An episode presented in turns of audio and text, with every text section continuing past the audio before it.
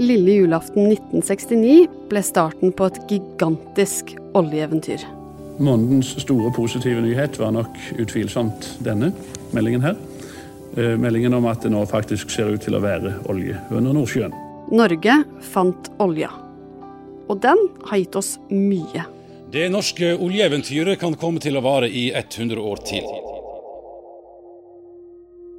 Men nå sier Det internasjonale energibyrået for første gang at det ikke er noe vits i å lete etter ny olje allerede etter 2021. Altså i år. As of this year, there is no need for new fossil fuel supply investments. Så kan dette bety en brå slutt på Norges oljeeventyr? Du hører på Forklart fra Aftenposten. Jeg heter Rina Swann, og i dag er det tirsdag 25. mai. Det mest oppsiktsvekkende med den rapporten som nå er kommet, er at den sier at verden kan slutte å lete etter olje, gass og kull. Fordi hvis verden skal klare å stanse eh, oppvarmingen på 1,5 grader, så trengs ikke de nye ressursene. Kjetil Alstaheim er politisk redaktør i Aftenposten.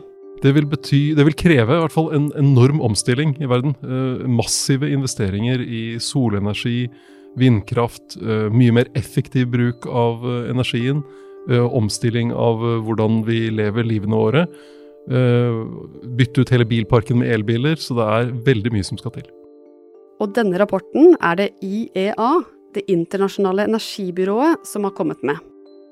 En organisasjon som ble starta i 1974 etter en oljekrise. Det er sikkert mange som husker det bildet av fra da kong Olav tok eh, trikken. Det var i 1973. Og grunnen til at han tok trikken, var at det var oljekrise i verden. Da hadde de oljeproduserende landene øh, valgt å skru opp prisen på olje og sette ned øh, produksjonen som en reaksjon på en krig mellom Israel og Egypt-Syria. Uh, og flere land fikk behov for å rasjonere på oljebruken, sånn at i Norge så ble det da forbud mot å kjøre bil i helgene. Karl Johans gate her i Oslo er vanligvis en av landets mest trafikkerte gater. Men nå i ettermiddag, litt over klokken tre, kan vi altså stå her midt i gaten uten noen trafikk rundt oss. Og derfor tok uh, kongen eh, trikken når han skulle ut på ski. Og noe av det som skjedde etter den oljekrisen, var at eh, de rike vestlige landene lagde Det internasjonale energibyrået, som skulle jobbe for å sikre stabil tilgang på energi til overkommelige priser. Og i dag er IEA en organisasjon som har stor innflytelse. Det er jo et samarbeidsorgan der landene møtes for å diskutere utfordringer knyttet til energi. Og så er det et eh, veldig tungt analysemiljø.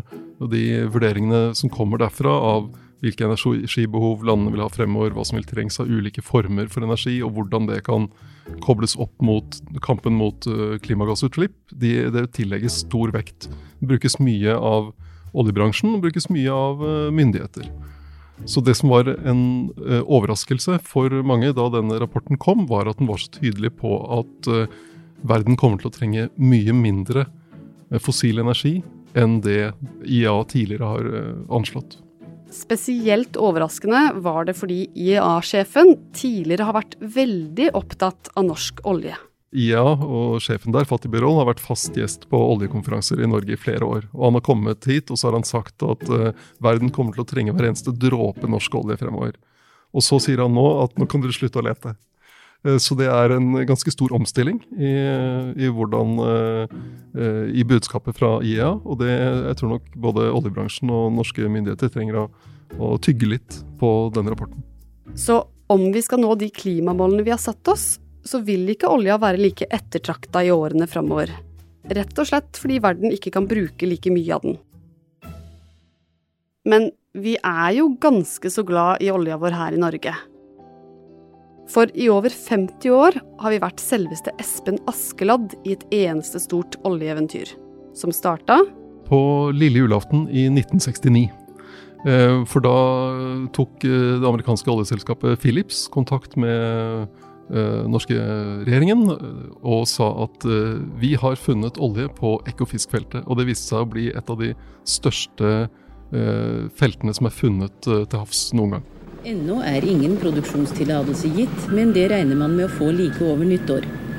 Da kan eventyret, som industriministeren kaller det, for alvor begynne i mars. Og dette har betydd mye for Norge i form av inntekter, arbeidsplasser og teknologi. Og ikke minst eh, at vi nå har, vi har greid å, å gjøre om en stor olje- og gassformue til et stort oljefond, som gir eh, veldig mye penger inn i statsbudsjettet og er med på å betale for, for skole, helse, veier osv. Fossil energi har jo vært med på å gi en eh, enorm velstandsøkning i verden. Fra den industrielle revolusjonen eh, i England, da man begynte med kullfyrt eh, dampmaskiner, til der vi er nå, så har jo verden gjort store fremskritt på veldig mange områder. Så det har vært en helt utrolig utvikling for menneskeheten. Men så har det noen uheldige sider, nemlig ikke minst klimaendringene. For litt etter litt jo mer fossilt brennstoff verden brukte, jo tydeligere ble det at det påvirka klimaet negativt. Forskere begynte etter hvert å rope varsko, FNs klimapanel ble oppretta, og man fikk et internasjonalt klimaarbeid. Og gjennom Kyoto-avtalen og Parisavtalen så forplikta land seg til å redusere utslippene. Men uh, utviklingen uh, er jo gått i feil retning. Som fra 1990 og frem til i dag er de globale utslippene økt med godt over 40% Så hvis vi faktisk skal få til noen endring, så må noe drastisk skje. Og det gir Norge et stort dilemma.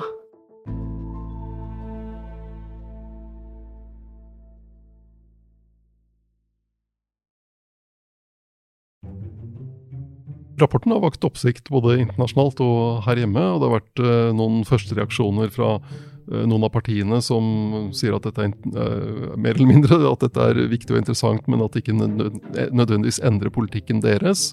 Norsk uh, oljenæring som har sagt at uh, vist til at de produserer med lavere utslipp enn mange andre produsenter. Og miljøorganisasjonene som selvfølgelig nå kaster seg om halsen på IEA. Men dette er jo bare én rapport, Kjetil. Kan den endre alt? Jeg tror den eh, er, kan være viktig inn i uh, arbeidet frem mot det neste store klimatoppmøtet, som skal være i Glasgow i november. Og der landene Det er en oppfølging av møtet i Paris i 2015, og nå handler det om at landene skal ideelt sett da, skjerpe sine klimaambisjoner og, og fortelle hvordan de vil gjøre mer fordi det, uh, det, landene gjorde i Paris, var å sette mål for hvor de vil at verden skal havne, nemlig uh, godt under to grader og helst nede på 1,5 grad. Men ut fra det landene til nå har lovt eller sagt at de skal gjøre, eh, så ligger det ikke an til å, å, klare det. Så landene må gjøre mer for å, for å greie 1,5 grader. Og denne rapporten viser eh, litt av hvor mye som må til, og det er mye. Blant annet så trenger man store investeringer i fornybar energi, man må bruke energien mer effektivt, og man trenger mer bioenergi. Og mange av de tiltakene vil også være omstridte. Sånn som vi har sett her hjemme med debatten om vindkraft f.eks. Det er ikke bare populært å bygge ut fornybar energi. Vi må også regne med å legge om livsstilen vår til en mer bærekraftig en, hvis verden skal nå sine egne mål fra Parisavtalen. Med andre ord, ganske mange ting må være på plass for å få til denne omstillinga fra fossilt til fornybart. Så hvor sannsynlig er det da at vi her i Norge skal slutte å lete etter ny olje? Det, det er ikke så veldig sannsynlig, fordi vi står jo i 2021 allerede. Og det er en uh, stor og viktig næring for Norge, så spørsmålet er hvordan uh, skal man uh, håndtere den, den omstillingen som Norge og verden står oppe i. og det det å, å komme med en, en, brå endring i politikken, det vil nok de store partiene være veldig forsiktige med å gjøre. Fordi det er snakk om arbeidsplasser. Det er Norges viktigste næring. Uh, som har gitt veldig store inntekter, og fortsatt gir store inntekter til, til fellesskapet. Men samtidig så er det en del ting politikerne må ta stilling til framover.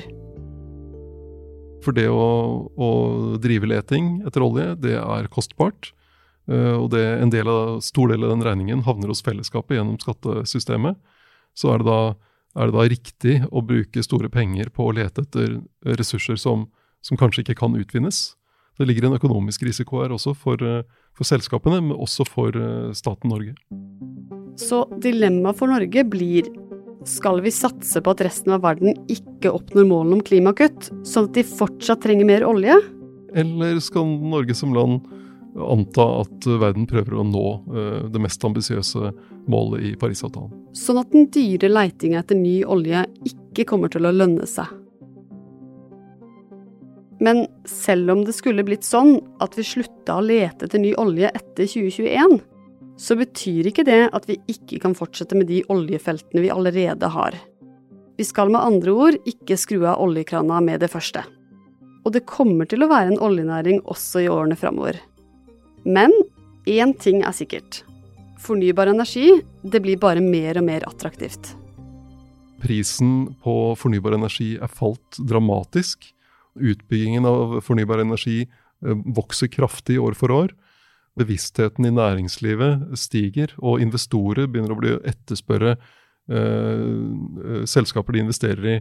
Ja, hvordan, to, hvordan, takler denne bedriften, forretningsmodellen her, at verden skal omstille seg til å oppfylle Paris-målene? Så er det veldig mye konkret som også har direkte betydning for hvor investorer plasserer pengene sine, Eh, og hva, som, hva det lønner seg å investere i. Ok, Kjetil. Dette har jo vært et oljeeventyr for oss her i Norge. Kan det nå gå mot slutten? Norge skal jo gjennom en veldig stor omstilling eh, for økonomien og arbeidsplasser og osv. Eh, alle er enige om at eh, oljenæringen fortsatt er viktig for Norge. Den har vært viktig for Norge. Men så må jo norsk økonomi og Norge forholde seg til at verden er i endring. Så det store spørsmålet blir eh, hvordan vi får til en lykkelig slutt på oljeeventyret.